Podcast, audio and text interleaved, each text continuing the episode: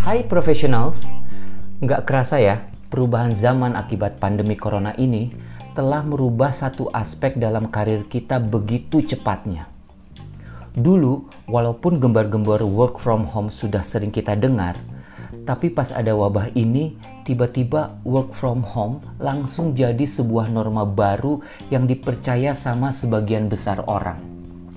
Padahal kalau kita ingat sebelumnya, kita tuh sering baca betapa keleluasaan bekerja dari rumah masih merupakan privilege bagi sebagian orang saja. Hanya bagi mereka-mereka yang berani memintanya. Hanya bagi mereka-mereka yang posisi tawarnya cukup tinggi untuk bisa mendapatkannya. Di episode ini, saya ingin membahas perihal karir yang masuk akal, bukan hanya dari segi keleluasaan bekerja dari rumah, tapi dari segi yang lebih prinsipil, yaitu apakah benar kita bisa mendapatkan work-life balance di atas bumi ini?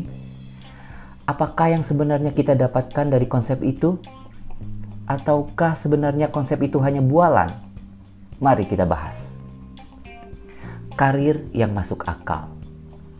Sengaja saya kasih judul seperti itu karena banyak orang yang terjebak dalam karir yang hebat tapi dia nyungsep di kehidupan pribadinya. Atau sebaliknya ada seorang lelaki yang hebat sebagai CEO, tapi sebagai ayah, dia jauh dari yang namanya sempurna. Bahkan dia tidak tahu apa makanan kesukaan anaknya. Pada suatu hari ketika ia ingin membuat kejutan dengan membelikan makan malam untuk anak dan istrinya, dia hanya tahu makanan kesukaan istrinya, tapi bingung berat pas mau pilih makanan kesukaan anaknya. Nah loh, ada juga seorang wanita yang keder sama dirinya sendiri.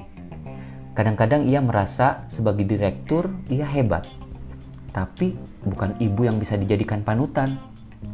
Pada lain waktu, ia merasa dirinya adalah istri yang baik, tapi bukan atasan yang mengayomi. Dia bingung. Dari kedua kasus tadi, saya ingin mengingatkan bahwa ini adalah waktu yang krusial untuk kembali mengenali diri sendiri dari aspek keseimbangan. Bagian terbesar dari mengenali diri sendiri itu adalah meyakinkan bahwa pilihan karir kita jadi masuk akal apabila disandingkan dengan aspek lain dalam kehidupan kita. Dan hal ini perlu dicek secara berkala. Sama seperti ketika kamu mengecek bensin motor kamu masih penuh atau sudah hampir kosong. Kalau kamu lalai, di tengah jalan kamu bakalan kena masalah dan ujung-ujungnya kamu bakalan terlambat masuk kerja. Bahaya kan? Dengan adanya virus corona yang bikin semua orang jadi bingung ini, coba kamu lihat lagi ke dalam diri kamu. Saya boleh bilang bahwa keadaan baru ini mau tidak mau merupakan perwujudan ketika kehidupan mencolek kita, ikut campur dalam semua aspek. Tujuan kita, nilai yang kita anut, perilaku kita, dan kemampuan kita menghadapi resiko sekarang sudah berubah. Bohong kalau kamu bilang semuanya masih seperti yang dulu.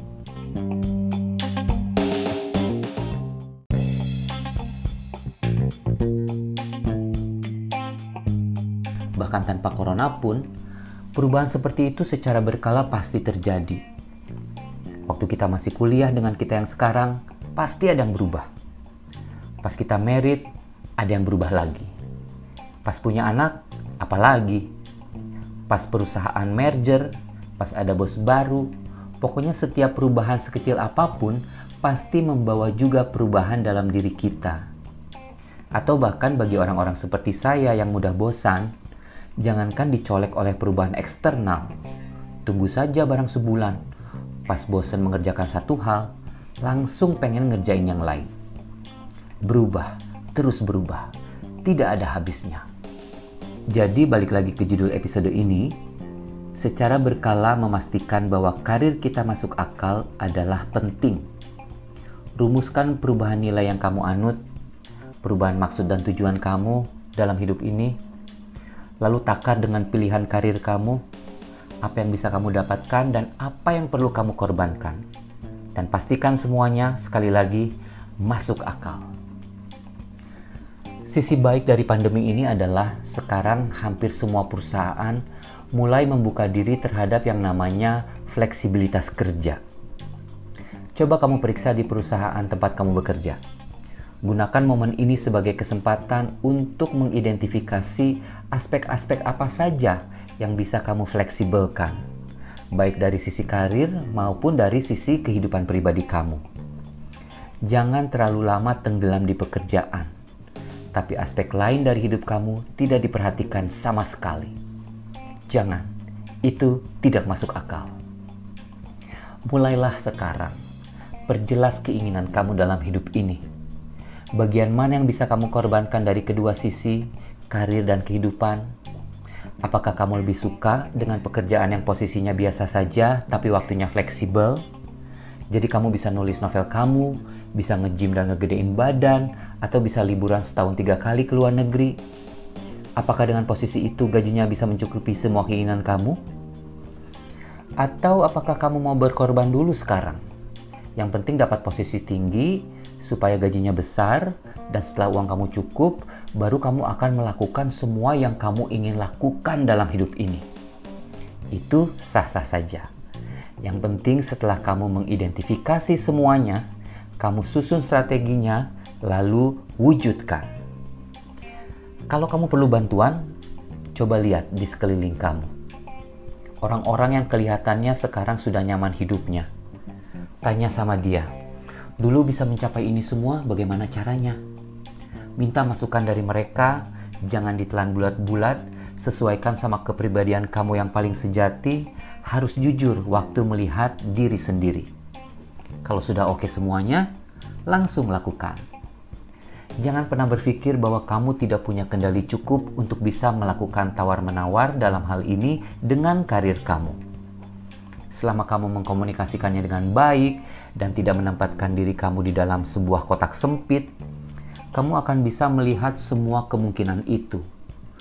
Kamu akan menemukan semuanya bisa dinego. Memang, walaupun ketika kita meminta sesuatu belum tentu kita mendapatkannya. Tapi yang paling perlu diingat adalah kalau kamu tidak minta, kamu nggak bakalan dapetin. Dan dalam hidup ini tidak ada yang namanya work-life balance. Yang ada hanyalah pertukaran antara apa yang kamu korbankan dan apa yang kamu dapatkan. Yang ada hanyalah apakah karir kamu masuk akal atau tidak. Demikianlah episode kali ini. Jaga karirmu untuk tetap masuk akal sebelum kamu membantu karir orang-orang di sekitar kamu. Semangat! thank